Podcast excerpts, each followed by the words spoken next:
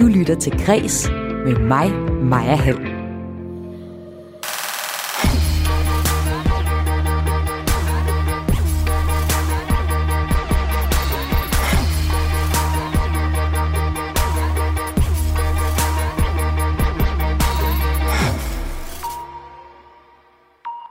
Grønlandske Niviak Corneliusen fik i går aftes Nordisk Råds litteraturpris med bogen Blomsterdalen, der blandt andet handler om de høje selvmordstal blandt unge i Grønland.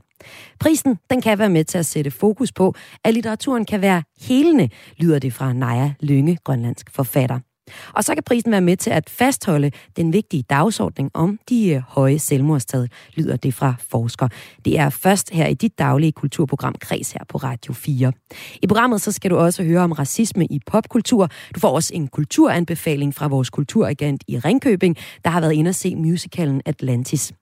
Og her i udsendelsen, der skal det også handle om, hvordan du i disse klimatopmødedage forlader denne jord på den mest bæredygtige måde. En bedemand i Herning har fundet en grøn måde at blive begravet på. Det indebærer en papkasse og en cykel. Jeg hedder Maja Hall. Velkommen til Kres.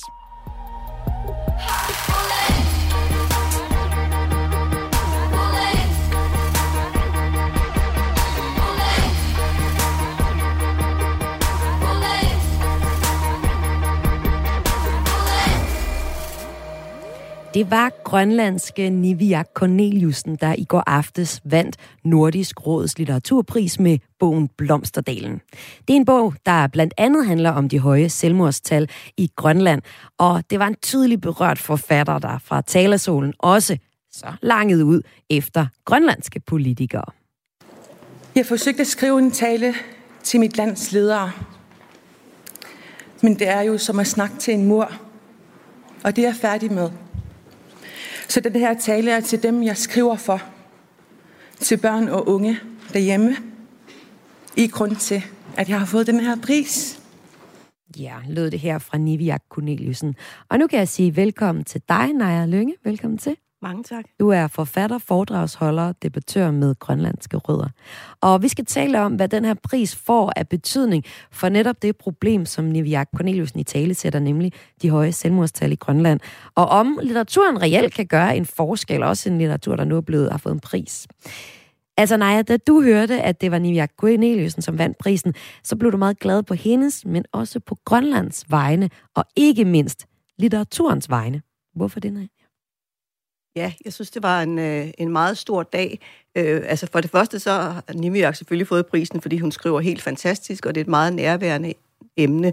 Når det så er sagt, så er det et øh, emne, som har været et kæmpe stort tabu, og i Grønland der har vi en meget kedelig verdensrekord i forhold til at have flest selvmord. Øhm, det har været utrolig svært øh, at bryde det her tabu, og det har, det har Nivia Corneliusen altså formået. Jeg er ikke enig med hende i, at hun taler til en mur. Det tror jeg altså, det gør, gør sig gældende for mange af os andre, men jeg tror faktisk, at Niviak har fået en stemme, øh, og der bliver lyttet til hende. Nu var det jo også selvstyreformanden, der overrakte prisen til hende i går aftes. Så kan man jo håbe på, at man kan holde ham op på det. Men, men det, er, det er utrolig vigtigt for litteraturen også, fordi at jeg mener, at den kan være helende. Hvad er det? Jamen, der er utrolig mange ting, som vi ikke kan slippe afsted med at sætte fokus på, uden at komme til at enten virke formanende, eller, eller som grønlændere kan vi let komme til at føle, at vi trækker offerkortet, hvilket vi også ofte får at vide, øh, og det lukker så meget ned for debatten. Men litteraturen, den kan noget. Og der tror jeg, at Nivia hun rammer ned i noget utrolig nutidigt. Altså, det er meget op i tiden nu, øh, at litteratur bruges som sådan en helende faktor. Det ser vi også øh, blandt andet en dansk læge, der hedder øh, Bo Tejlgaard, øh, har lavet et forum, der hedder Minder og Liv, hvor han simpelthen øh, påstår, at hvis vi skriver vores livshistorie ned, så kan det være helende. Og, og han fortsætter og siger, at det er ikke for sent at få en barndom. Forstået på den måde, at når det bliver skrevet ned, jamen, så er man med til at perspektivere og tage ejerskab på det her. Og det er det samme, Nivia gør. Nu er jeg selv lige i gang med at, at læse øh, Blomsterdalen, øh, og den rammer jo både lige på og hårdt og, og, og gør ondt, men, men rammer også ind i noget, som man kan kende. Øh, jeg havde selv fornøjelsen at møde Niviak, da hun øh, startede med at studere her i Aarhus.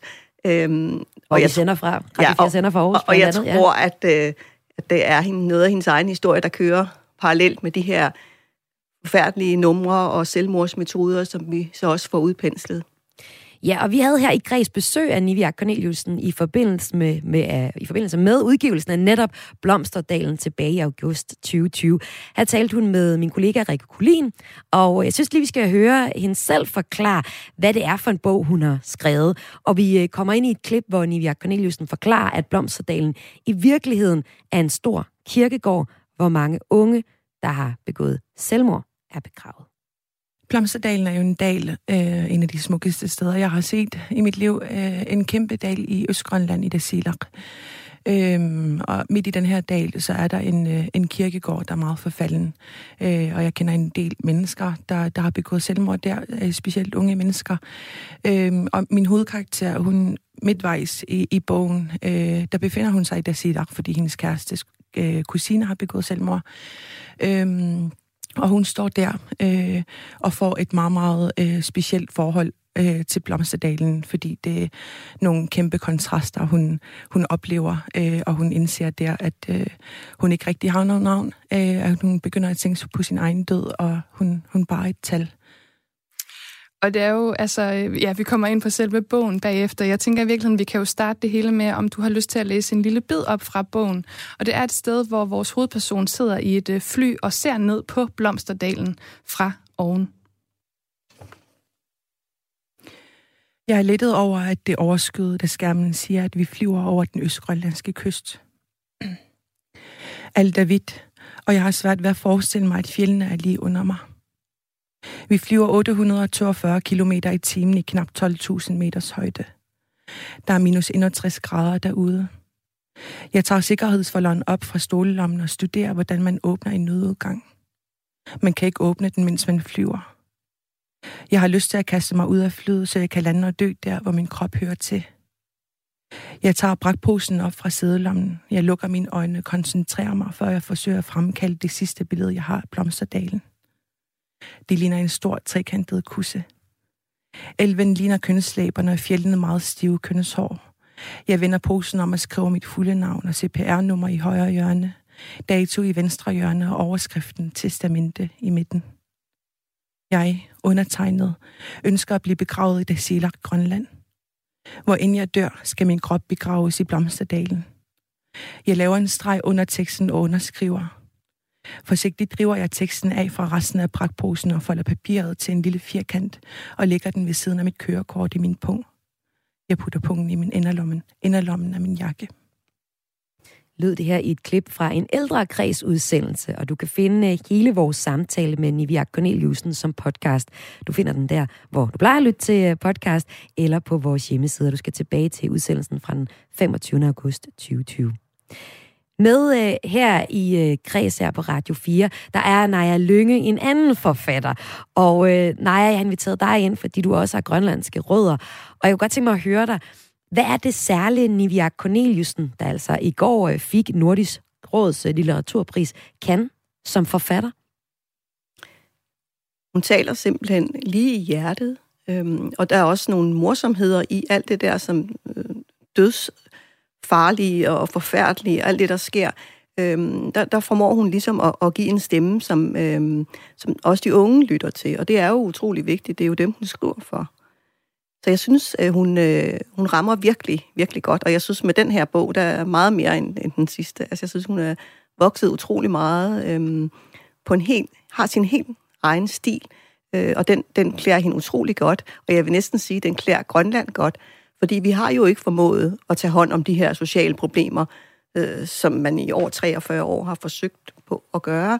Øh, og hvad er vejen frem? Jamen altså, det er jo det, øh, vi skal være med til at, at prøve at finde ud af. Og, og en af de ting, som Nivia kan gøre med, med den særlige stemme, hun har fået her, det er jo netop at råbe systemet op, som hun jo også gerne vil. Men også at være med til øh, at være helende, og måske, øh, i den, ligesom vi i den anledning snakker om, at, at måske skulle vi alle sammen begynde at skrive vores historier ned, og, og hvis det kan være helende. Altså jeg tror, at, at det er også et udtryk for, at litteraturen øh, kan noget. Kunst i det hele taget kan noget, men litteraturen kan lige den ekstra ting, fordi så bliver det skrevet ned, og så kan du ikke bare sige, at det ikke er sket. Det er et eller andet med, at der er sket noget meget forfærdeligt med en, og nu er det skrevet ned. Ja. Ellers så er det ligesom om, at dem, der har gjort noget forfærdeligt ved en, de er måske gået i graven og sluppet afsted med det. Øhm, og, og selvfølgelig kan det også gøre noget, at man ser et skuespil og skaber sig nogle billeder, men der er et eller andet ved, at man, man, man får lov til at hænge fast på den her verden, at på trods af alt det forfærdelige, der er sket, jamen så har I bare se her, jeg har sat nogle spor. Og det øh, er altså de spor, som Nivia Corneliusen har sat her med øh, romanen Blomsterdalen. Naja Lynge, du øh, siger som forfatter, at hun øh, øh, med Blomsterdalen sætter fokus på de høje selvmordstal i Grønland, og at prisen faktisk beviser, at litteratur har en helende kraft, som du lige har forklaret her. Spørgsmålet er så, om litteraturen reelt gør en forskel, når vi kigger på tal. Nu kan jeg sige velkommen til forskningsgruppeleder ved Center for Folkesundhed i Grønland på øh, SDU, Christina, Christina Viskum Lytkøn Larsen. Velkommen til, Christina. Tak skal du have. Lad os lige tage tallene først. Nimiak siger, at Grønland øh, har verdensrekord i selvmordstal. Det hører vi også øh, Naja sige her. Hvad kan du egentlig sige om selvmordstallene i Grønland? Jamen, øh, det er rigtigt, at øh, Grønland har en af øh, verdens højeste retter af selvmord, og det vi ser særligt, det er, at det er rigtig mange ungdomsselvmord, øh, hvilket ikke kun kendetegner Grønland, men også kendetegner de andre arktiske lande. Og raten, den måler man i sådan en rate per, per 100.000 personår, og der har raten de sidste 40-50 år ligget på omkring øh, 100 selvmord om året per 100.000 øh, 100.000 personår. Og det er, det er, som Niviak siger, blandt de højeste i verden. Og hvad kan du sige forskningsmæssigt om grunden til, at vi ser de her høje selvmordsstatistikker i Grønland? Jamen, øh, vi er meget optaget af at tale om opvækstvilkår blandt øh, børn og unge, når vi drøfter selvmordsretten. Og det er vi, fordi at vi kan se, at øh, en opvækst med øh, alkohol i hjemmet, med vold i hjemmet, og også øh, det at have været udsat for seksuelle overgreb, det er meget væsentlige risikofaktorer i forhold til selvmordsforsøg. Og øh, det er jo altid svært at sige noget om de øh, unge mennesker, vi har mistet, men de unge mennesker, som vi taler med, som er i live, der kan vi blandt andet se, at hvis du vokser op med alle de tre ting, jeg lige nævnte, vold, alkohol og overgreb, så er der 58 procent af de unge, der har forsøgt at tage deres eget liv. Og hvis du omvendt ikke er vokset op med nogle af de ting, så er det 5 procent. Så det ser vi jo som en ret tydelig øh, indikation på, at, øh, at der er en række væsentlige øh, risikofaktorer, som, som vi kender, og som vi i højere grad kan bruge systematisk i forebyggelsen.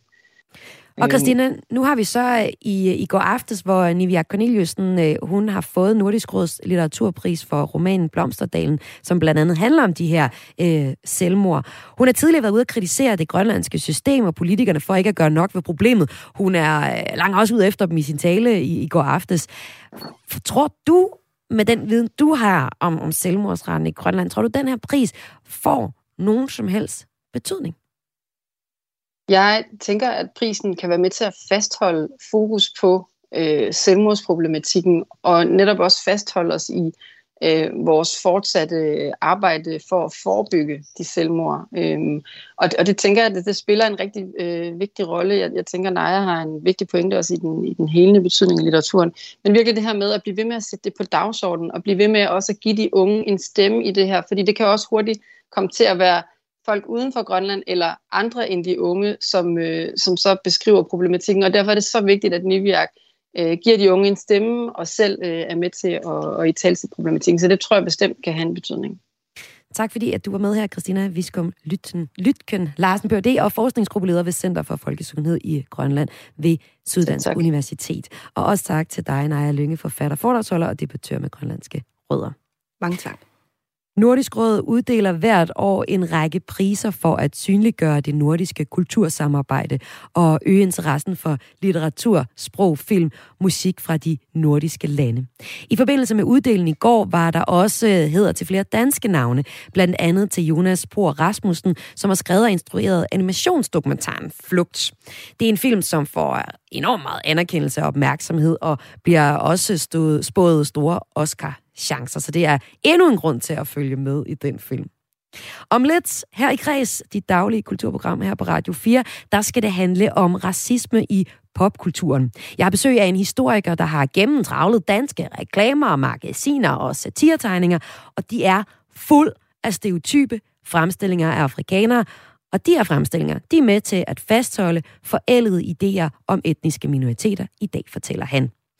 Men inden du kan høre øh, mere om det, så øh, skal jeg her i kreds fortælle dig, hvordan du, her i anledning af klimatopmødet i Glasgow, øh, kan tage den grønnest tænkelige afsked med denne jord.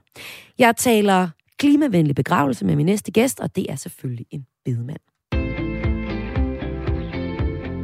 Du lytter til Græs med mig, Maja Hall. Og det er ikke en hvilken som helst bedemand, jeg har med øh, her i studiet. Det er formanden for dem alle sammen. Formand for Danske Bedemænd. Velkommen til, Knud Larsen. Tak skal du have. Jeg har inviteret dig i studiet i anledning af, at øh, en bedemand fra Herning blandt andet har fundet på en bæredygtig begravelsesmetode, som øh, var ny for mig. Så til dig, der lytter med, har du brug for at øh, lige måske gøre det rigtig godt til sidst? Altså har du brugt dit liv på røde bøffer og flyrejser til alle verdens hjørner, men vil indhente det tabte her til sidst, hvor alle taler om at gøre noget for klimaet, og vi har det store øh, COP26 gang i Glasgow i Skotland, øh, så skal du spidse ører nu, fordi nu har mig Knud nogle pointer til dig. Du kan nemlig få dig en kremering i en bæredygtig kiste af pap. Det er den her herningensiske bedemand, der tilbyder alternativet til øh, en trækiste, som folk ellers bruger som transportmiddel ind i øh, krematoriet. Men nu er alternativet her altså en kiste af pap. Og Knud Larsen, du har faktisk øh, begravet en i sådan en papkiste. Der er lidt flere forskellige versioner af den, men prøv lige at fortælle, hvordan fungerer sådan en, en papkiste, som øh, du har fat i?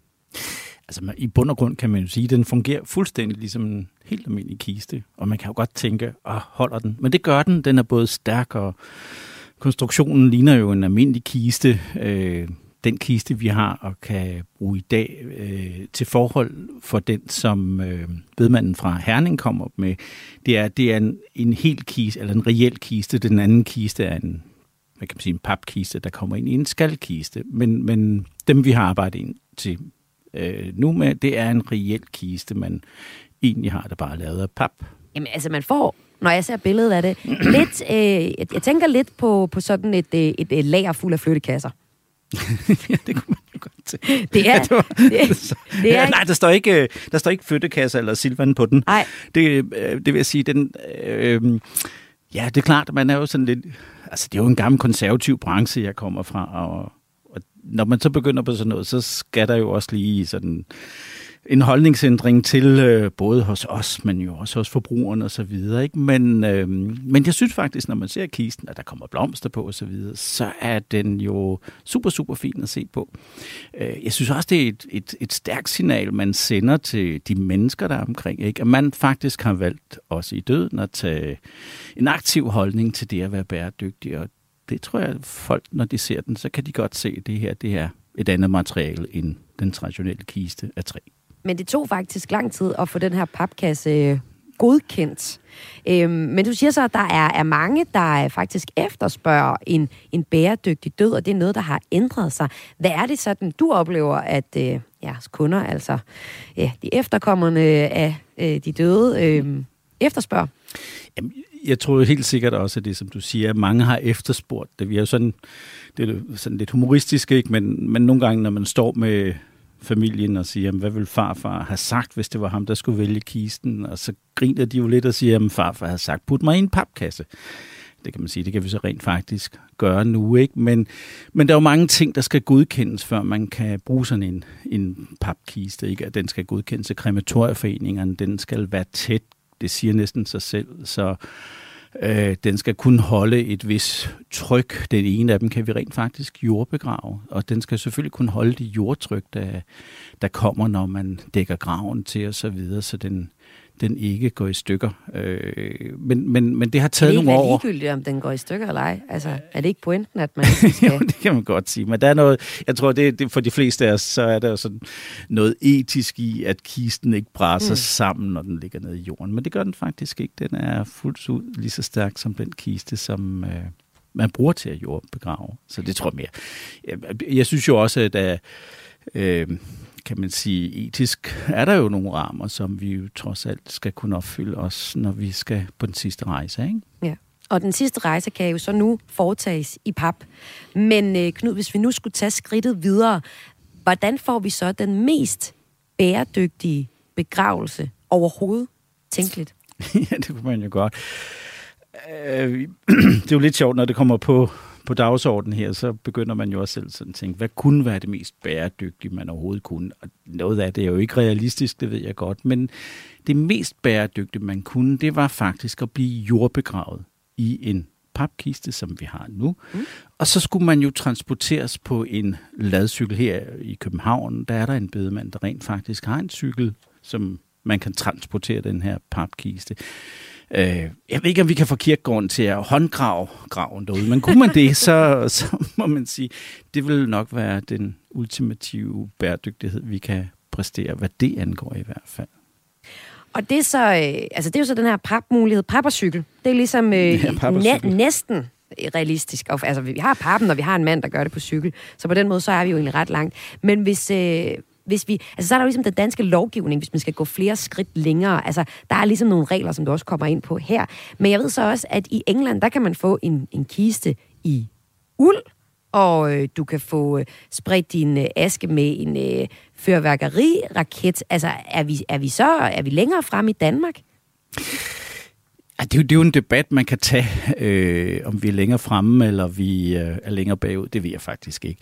Men der er ingen tvivl om, at, øh, at vi har nogle meget stringente øh, rammer for, hvad vi må herhjemme. Eksempelvis må vi ikke øh, jordfeste i en uldkiste. Jeg, lige på vejen herind snakkede jeg faktisk med en kirkegårdsleder, som, som kommer fra England og har mange øh, kontakter i England. Og hun fortalte jo også om det her med, at der bliver man begravet i uldkister og flettekister og, og så videre. Ikke? Men, men herhjemme har vi nogle, nogle hvad kan man sige, mere stringente regelsæt for, hvad vi må gøre, og også hvordan vi må placere vores urne. Vi kan ikke bare sådan lade asken drysse ud på marken, fordi bunden synes, det er fint. Der, der er nogle meget firkantede regler for, hvordan vi gør det. Men man kan få søgt tilladelse om at blive, blive spredt ud over et hav, for eksempel. Ja, ja. Altså, ja, ja. Altså, reelt er lovgivningen den, at man i levende liv skal have tilkendegivet, man gerne vil det. Og det må man selvfølgelig gerne. Vi kan også komme ud i skoven. Der er flere skovkirkegårde, vi har rundt omkring i Danmark i dag, som er godkendt til øh, begravelsespladser for en urne. Ikke? Men, øh,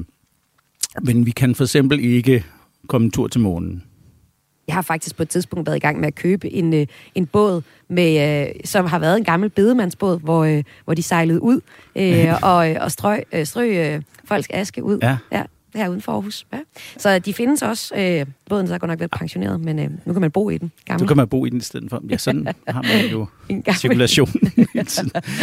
Hvis vi så lige her til sidst, Knud Larsen, formand for Danske Bedemænd, øh, skulle tage det mindst, den mindst klimavenlige måde at blive begravet på, altså den måde, vi helt sikkert ikke skal blive begravet på, hvis vi vil øh, være lidt fremsynet og leve op til for eksempel de uh, samtaler, der er lige nu under klimatopmødet i Glasgow. Ja, altså der er ingen tvivl om, når vi, øh, når vi bliver kremeret, og hvis vi har et, et materiale, der er meget tungt, det er jo klart, at når man sætter en kiste ind i en kremationsovn, så, så skal der bruges en masse energi for at få, få brændt det her træ af. Jeg, jeg kunne forestille mig, at det er nok svært at brænde en egetræskiste af. Øh, det er også øh, voldsomt dyrt. Øh, så jeg kunne forestille mig, at den mest klimavenlige, eller ikke klimavenlige, men uvenlige handling, det vil være at komme kørende i en stor Pontiac 8 cylinder, der bruger alt for meget benzin ind til krematoriet, der ligger for langt væk i en egetræskiste, der skulle brændes. Det kunne jeg forestille mig. Det var nok ikke så CO2-venligt. Det, øh, det siger vi som det, som det er det værste i den anden ende. yeah. Knud Larsen, formand for Danske Bedemænd. Tak fordi du var med her i Kris. Ja, selv tak. Kremering er forløbigt det stadig det mest almindelige, men øh, man ved ikke meget om omfanget af forurening af det. Så hvis vi skal finde ud af, hvorvidt vi alle skal gå tilbage til øh, gammeldags øh, kistebegravelser, så skal der mere forskning til, vil jeg sige. Om lidt, så skal det her i øh, Græs, de daglige kulturprogram her på Radio 4, handle om musicalen Atlantis. Det er vores kulturagent fra Vestjylland, der har set den musical. Men først, så skal du høre om racisme i popkulturen. Du lytter til Græs med mig, Maja Helm. Karl Stegger står med sortmalet hud og iført leopardskin, fjer i håret og store ørering og en rimelig hissig attitude, som han har over for styrmand Carlsens ellers så mundre besætningsbilleder af blandt andet Ove Sprogø og Dirk Passer i den her gamle danske film. Munterheden er dog blevet til lettere panik, da den her leopardskinsbærende gæst er kannibal. Oh, nu er det min tur. What? It is me. What? It is him. It is not you. What is not me? It is me. Yes, you are not me. No, it is not you. It is him. What is he? He is Mr. Little Olsen. Who is Little Olsen? It is me. He is Mr. Little Olsen. It is not you. I am not your Little Olsen.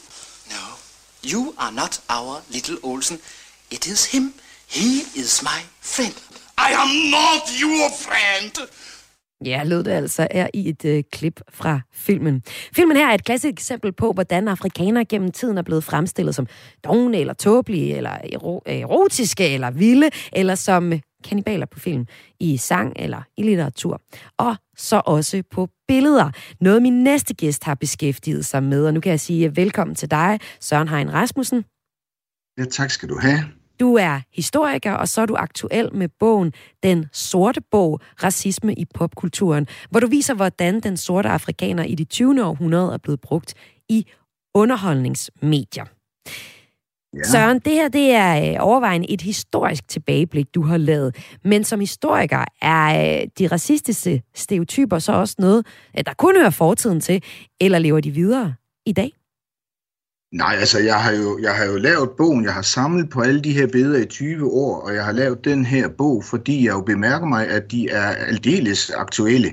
Altså du kan, du kan se dem endnu, og du kan høre, øh, øh, når folk taler sammen, at de kender de her. Siger du kanibal, så kan du med det samme sætte øh, et billede op for dit indre, din indre skærm, hvor du ser den her store, tykke Mand er det som regel med knogle i næsen og basskørt og parat til at spise hvide. Så altså de der forskellige stereotyper, de lever i bedste velgående. Og derfor og... synes jeg, at det var rigtig spændende at, at, at vise, men dem har vi ikke et sted fra derude. De er ikke mm. kommet svømmende ind ved et tilfælde. Det er fordi, vi er blevet fodret med dem i generationer. Og vi er blevet fodret med dem i uh, reklamer og i magasiner. Altså, forsiden af magasiner, hvor vi også har set det her.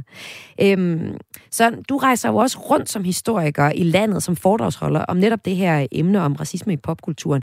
Hvordan reagerer folk på det, når du præsenterer det? Altså, for det første, så er der rigtig mange, der næsten ikke kan holde ud og se de værste af de her billeder, eller mm. høre de værste digte oplæst.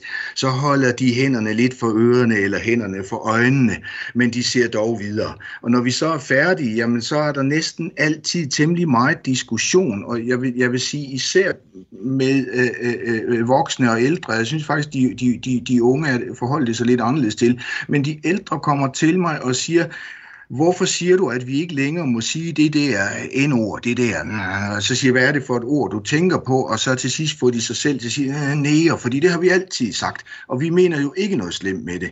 Og så er det, at vi tager diskussionen om, hvorvidt at man behøver at sige noget, som man muligvis ikke mener noget slemt om, men som andre øh, øh, føler sig støtte af.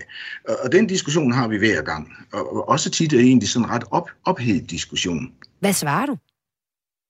Så siger jeg, jeg bestemmer dig ikke, hvad du skal sige, men altså, jeg har jo vist en række eksempler her på, hvad for nogle øh, øh mentale billeder vi knytter til det der begreb, og det er jeg helt sikker på, at vi gør, fordi jeg har haft øvelser med studerende og med folkepensionister og med skoleelever og med børnehavebørn, hvor jeg beder dem tegne kanibaler, og de kan alle sammen tegne den samme kanibal, der er sort, og som koger hvide mennesker, og som kun kan sige unga bunga eller uga buga, og som er, øh, øh går ude i naturen sammen med aber osv. osv. Jeg har også bedt øh, ved andre lejligheder nogle af mine studerende om at øh, tegne, hvad er en næger. Og så får vi nogle af de samme billeder. Altså de er ret begrænsede, de billeder. Der er ikke ret mange roller, sorte mennesker i den øh, øh, øh, vestlige underholdningskultur har kunnet spille. Og når jeg siger underholdningskultur, så er det fordi, det er det, jeg har beskæftiget mig med, men jeg har også bemærket mig, at de roller jo faktisk ikke er så forskellige fra, hvad der har været i sådan, hvad man kaldte pæn litteratur, eller pæn malerkunst og pæne film og det så videre. Og, øh, og Søren, øh, du er så aktuel med en bog, hvor du altså har gennemtravlet øh, fotografier, tegninger, reklamerne, reklamer og alt muligt den dur fra den danske populærkultur. Men det her det er jo et radioprogram, Søren, så vi kan jo ikke se de eksempler, du har fra din bog. Derfor så har jeg fundet tre ikoniske lydklip fra popkulturen, ja. som jeg så vil bede dig at give os et perspektiv på. Og øh, det første klip, det har jeg sådan set allerede spillet. Det er det jeg spillede med Karl Stegger, som er øh, en sort kanibal. Lever den stereotyp stadig? Ja, det har du næsten svaret på, for det gør den. Den stereotyp lever, altså hvis du uh, ser på Blæksprutten uh, 2020, altså den sidste årgang, der er kommet på gaden indtil nu, altså så kan du se... satire bogen her med satire, ja. I danske satireblade tegnede blandt danske bladtegner, så optræder der en kannibal herinde i gryde, eller med en gryde og med en hvid i og hele svineriet. Altså den figur bliver brugt til alt muligt, og den bliver brugt til det endnu. Heldigvis ikke så uendelig omfattende, som den engang blev, men den er brugt, og den er kendt endnu endnu. Det er den. Er det et og den har jo Jamen det synes jeg, altså, altså jeg synes det er et problem, at vi øh, lever i et divers samfund, hvor alle mennesker skal kunne øh, øh, komme øh, til, og så insisterer nogen på at blive ved med at tegne den slags tegninger, eller sige den slags ting, som andre øh, bliver kede af og støtte over. Så det, altså sådan for god høfligheds skyld vil jeg sige, tag og lad være. Men, men jeg synes egentlig også, det er et problem, øh, øh, øh, eller jeg vil nærmere sige, som historiker synes jeg, det er rigtig, rigtig interessant, at vi tror, vi er frie til at tænke, hvad vi vil, men i virkeligheden, så trækker vi jo på en lang kulturel mm. arv, der kan være mere eller mindre vellykket. Og jeg, jeg, jeg har altså øh, øh, bragt nogle eksempler her, hvor jeg viser, hvad for en kulturel arv det egentlig er, vi trækker på, når vi taler om sorte, øh, sorte mennesker, altså mennesker af afrikansk afstamning. Og så nævner du det her med, at når du beder folk for eksempel i et forsøg, og du siger nære til dem, og de så skal tegne, så er det nogle gange kannibalen, der kommer op som øh, figur. Øh, men hvilke roller er afrikanske, er, er afrikaneren ellers typisk blevet fremstillet i, når du kigger ned i de her underholdningsmaterialer, som du har gennemtravlet til din, til din bog? Altså de her relativt få roller, jeg vil lige sige, jeg har del med læst mange tusind sider. altså bare spørg mig om gamle ugeblade, så, så uha. Nå, men altså de her roller, de er relativt få, og jeg vil sige, de for det første drejer sig om, at den sorte afrikaner er, et, er, er vild i den der betydning, man lagde i gamle dage, tæt på naturen, måske endda øh, øh, næsten et dyr, meget ofte skildret sammen med aber. Det, det går igen, og i hvert fald en, der går rundt ude i naturen. Øh, den sorte afrikaner er doven, den sorte afrikaner øh, kan danse, har musik og dans i sig, især jazzmusik, altså swingdans, øh, da det kom frem i 20'erne, og derefter øh, øh, er det koblet rigtig tæt til den sorte afrikaner. Den sorte afrikaner, øh, hvis det er en mand, så har han en fuldstændig uhemmet seksuel drift, og han har et kønsorgan, der er, er Øh, mere end dobbelt så lang som øh, pæne menneskers. Øh, og det bruger han til at voldtage hvide kvinder med. Så den sorte afrikaner er ikke bare en munter figur, men også en farlig figur. Og det er jo faktisk en stereotyp, som er meget fremherskende i dag.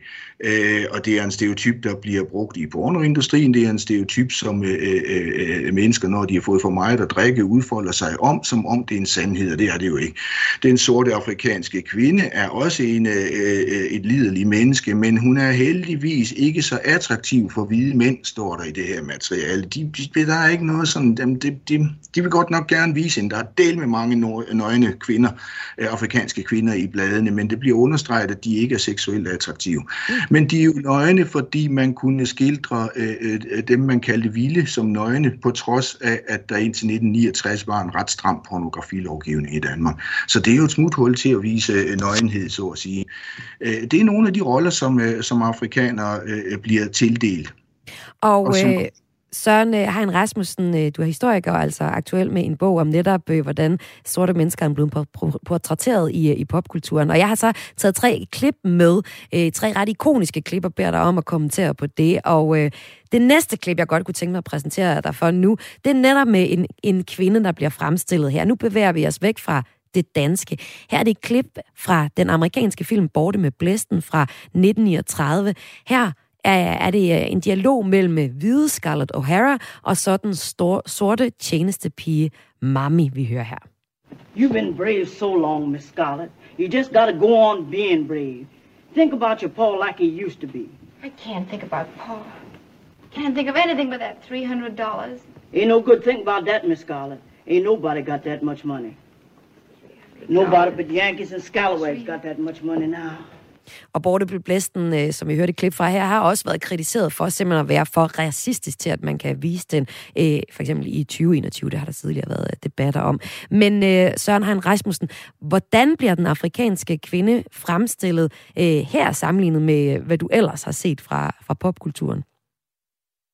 Jamen altså, altså her spiller hun jo en af de roller, som, øh, som sorte spiller, nemlig som øh, øh, tjener, og det er tjener slave, ikke? Og det er jo også en rolle, som øh, altså sorte historisk har spillet, så det, på den måde kan man jo sige, det er jo meget dækkende.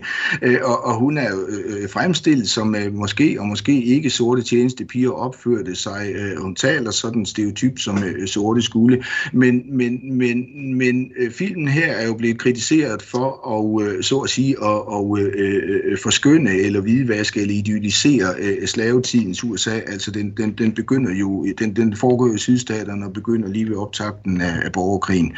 Og, og der kan man jo øh, øh, med rette, især hvis man er amerikaner, sige, var det dog ikke på tide, at vi havde fået nogle bedre film om, øh, hvordan øh, de sortes forhold egentlig var. Fordi at hun har det jo egentlig godt her, altså i filmen. Og øh, når jeg nu har spillet de her to klip for dig, og valgt lige præcis dem, så øh, synes jeg, det, det, det hænger meget godt sammen med det, du egentlig også selv siger, at øh, det er den voksne generation, der kender til de her stereotyper. Og med voksne, så øh, taler jeg min forældres generation, altså 60 plus. Øh, en generation, der vokset op med Styrman Carlsen og Borte med Blæsten. Det er jo ikke noget, jeg er vokset op med, og øh, min søn er slet ikke vokset op med, eller kommer slet ikke til at vokse op med det. Der vil sidde lyttere, der synes, at de her to eksempler, jeg lige har spillet, er helt vildt grænseoverskridende og fuldstændig utænkelige, at de kunne blive produceret i 2021. Vi givetvis heller ikke gøre det. Så jeg kunne godt tænke mig at høre dig øh, som historiker, Søren Hein Rasmussen. Tror du, de her øh, stereotype fremstillinger af sorte mennesker egentlig dør med din og ældre generationer? Altså det håber jeg da. Øh, og øh, altså netop når jeg taler med, med yngre, jamen så har de en helt anden, altså jeg vil sige forarvelsestærskel, og det synes jeg egentlig er rigtig godt. Altså de synes simpelthen ikke, det her hører hjemme. Så der er der sket noget, og i forbindelse med projektet på den her bog, jamen så der, kan jeg da se, at der er sket noget inden for de allerseneste år, for det er simpelthen blevet sværere at indhente tilladelser til at bruge øh, øh, end det var øh, for bare fem år siden. Så, så der er der bestemt sket noget. Altså vi har en anden øh, øh følsomhed over for øh, øh, og øh, lave den slags... Øh, Så du produkter. lovpriser faktisk den her ting, der nogle gange med et negativt ord bliver kaldt krænkelsesparathed. Øh, ja, det gør jeg da. Altså, jeg kan da ikke se, hvorfor vi skal støde andre mennesker, når der ikke er grund til det. Desuden holder vi os jo selv fast i nogle... Øh, altså, vi, vi, vi, sådan nogen som mig, gamle mænd på 64, der holder fast i at sige, som vi altid har gjort, ting, som vi altid har gjort. Vi holder jo også os selv fast i forældede billeder af, hvordan Afrika ser ud, og hvordan mennesker ser, ser ud, og hvordan mennesker er i forhold til hinanden. Ikke? Øh, så det, det, det lovpriser jeg da, altså. Det må jeg sige. Det sidste klip, jeg har taget med til dig, Søren, det er med musikeren Beyoncé. Hun bruger sin øh, baggrund som sort amerikaner, og vil på den måde ligesom tage ejerskab over sin egen historie ved selv at fortælle den. Det gør hun blandt andet på øh, hele albumet Lemonade fra 2016. Her hører vi lige lidt af nummeret Formation. My daddy Alabama, mama Louisiana. You mix that Negro with that Creole, make a Texas Bama. I like my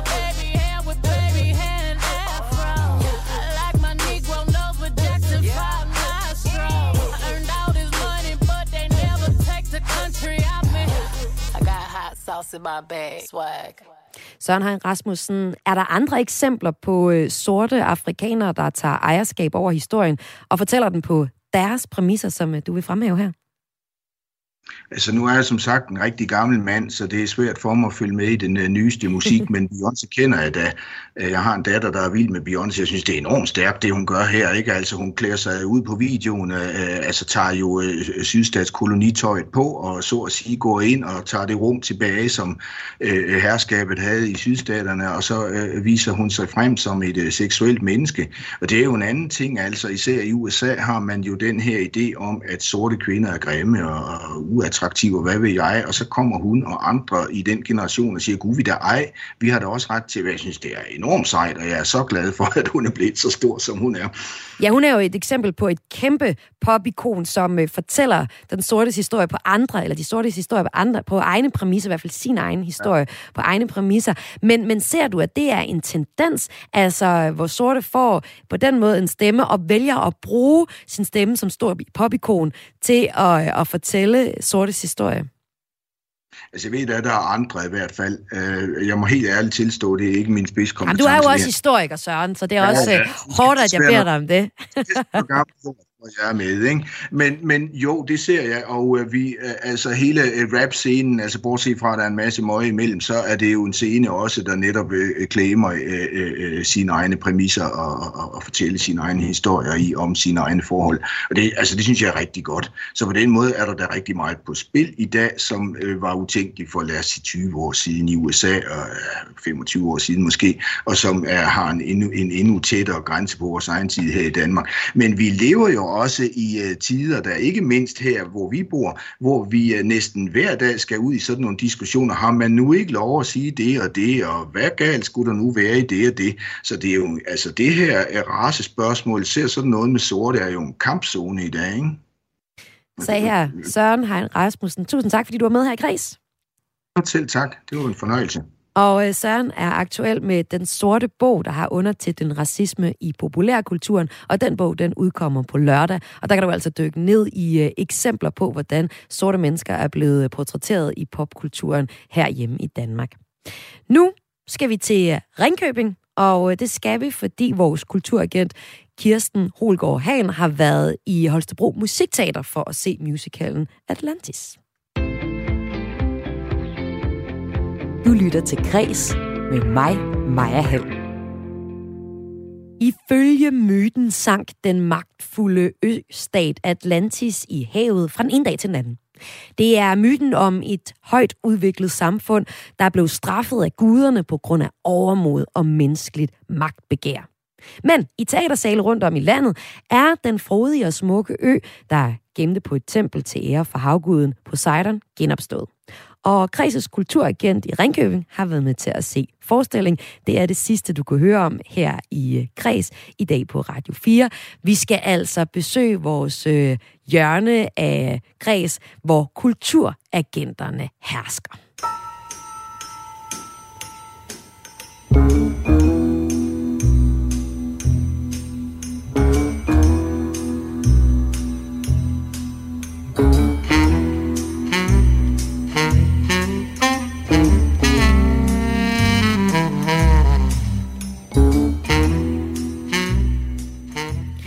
Kreds har kulturagenter fordelt over hele landet, og deres opgave er at finde frem til de allerbedste, de fedeste kulturoplevelser i deres nærområde.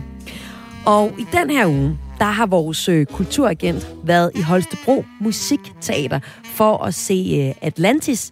Det er en øh, musical med blandt andet Stig Rossen i hovedrollen. Intet i verden kan være så smukt som en morgen på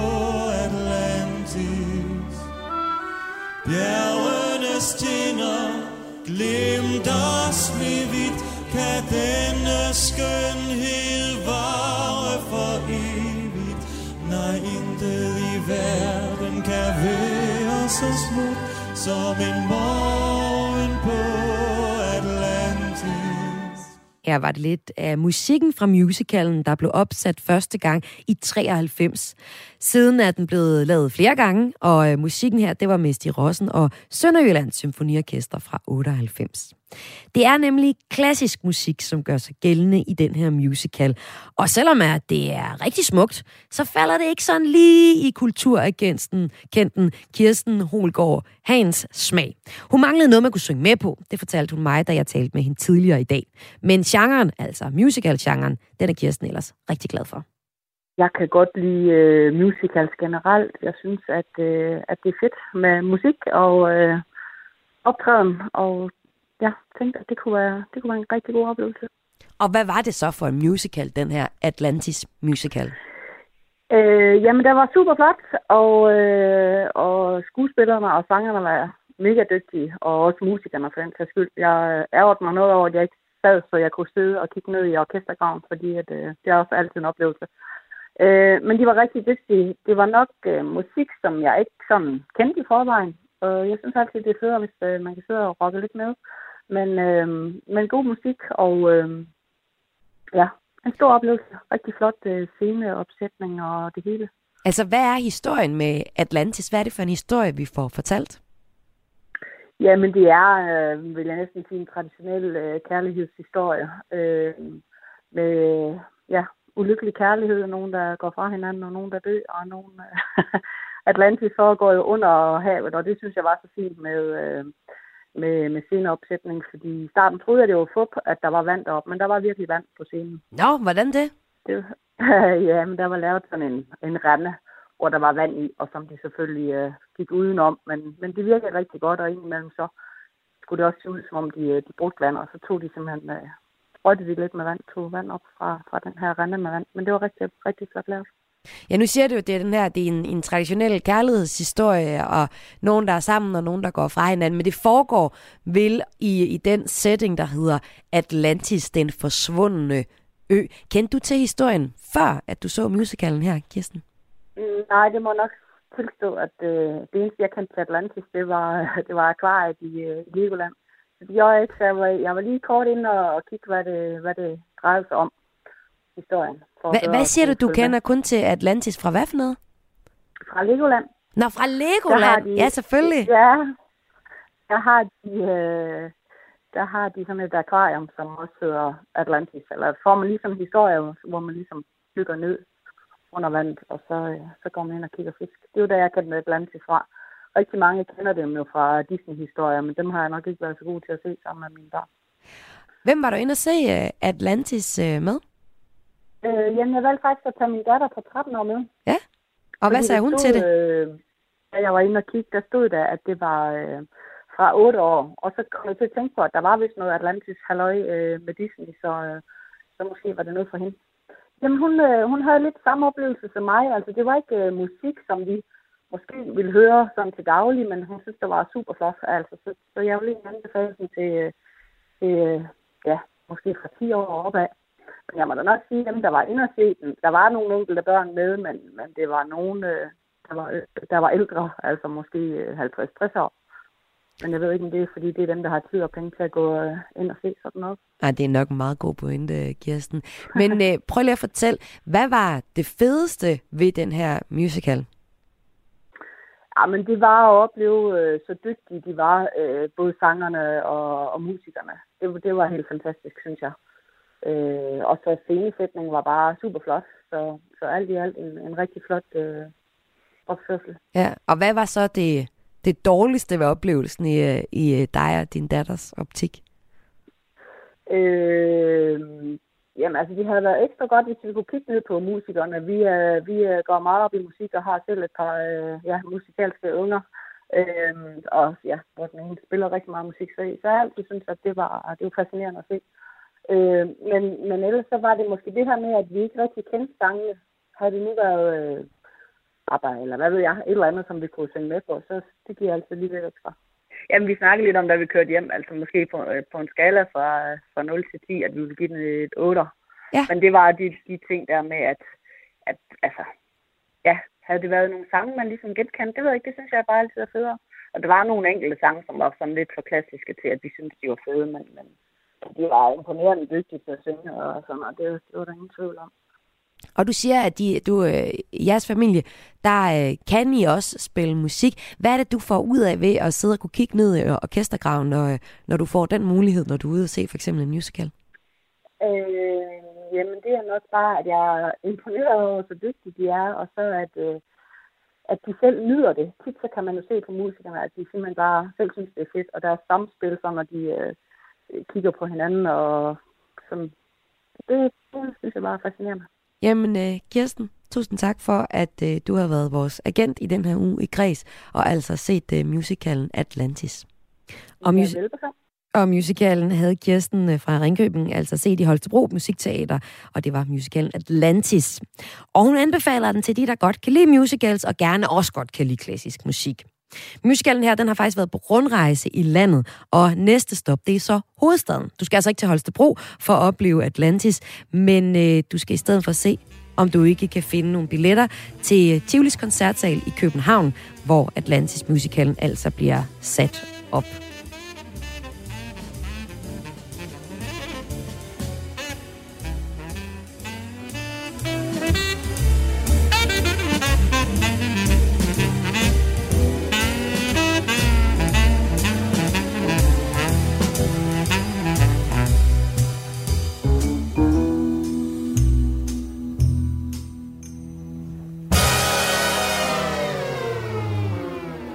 Og det var alt for vores ugenlige indslag fra en kulturagent, altså en lokal forankret agent et sted i Danmark. Vi har nogle stykker af det rundt i landet, som anbefaler noget kultur for deres eh, nærområde.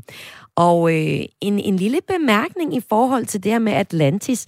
Danske forskere har faktisk undersøgt, om der er nogen sandhed i myten om den forsvundne ø Atlantis.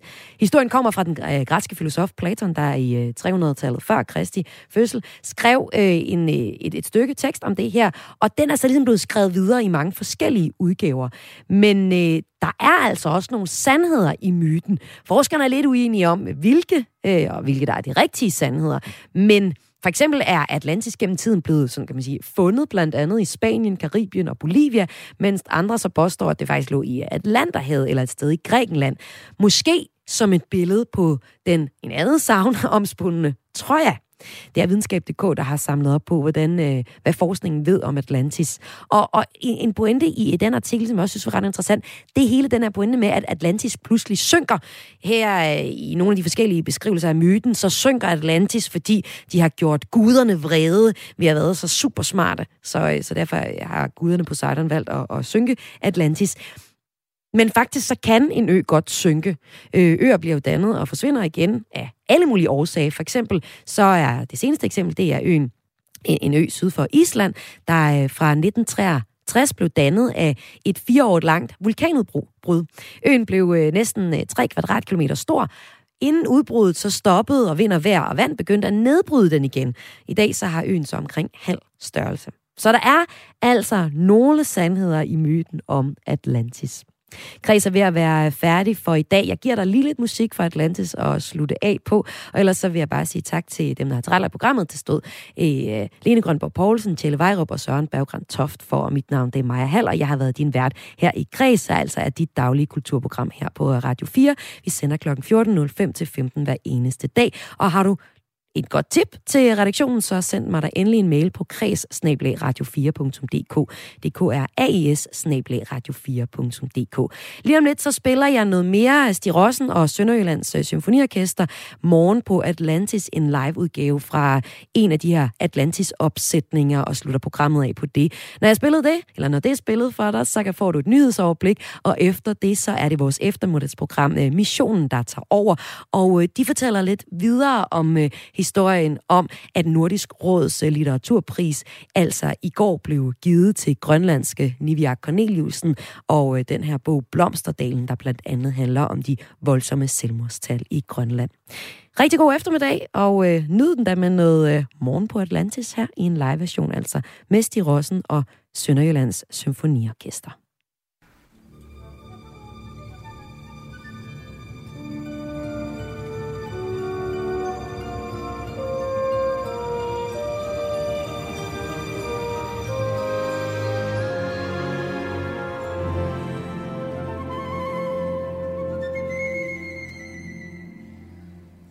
Der ser vi dagen vågne op, og den skræmmende natteskov al blind for rundt i, bliver levende lys og underfundig. Solen kravler over bjergets top, og den strækker sig halvt og en hilser mig godmorgen. Strålerne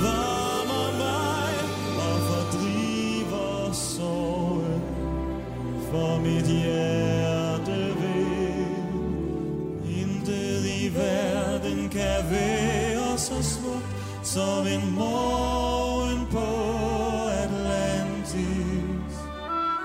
Bjergenes tinder glimter snevidt, kan denne skønhed vare for evigt. Nej, intet i verden som en morgen på Atlantis. Jeg bliver stum og slår af bød i blikket ned for Atlantis, mit hjem og min kærlighed.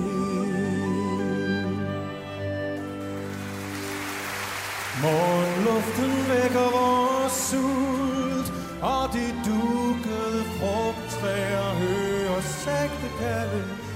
de dukkede frugttræer Spis af os lokker, de kom spis af alle. Videre nusk på, vi er for fuldt. Alle fuglene ser os gå af glemte stier. Synge vores skabelses gamle melodier. Synge denne sang.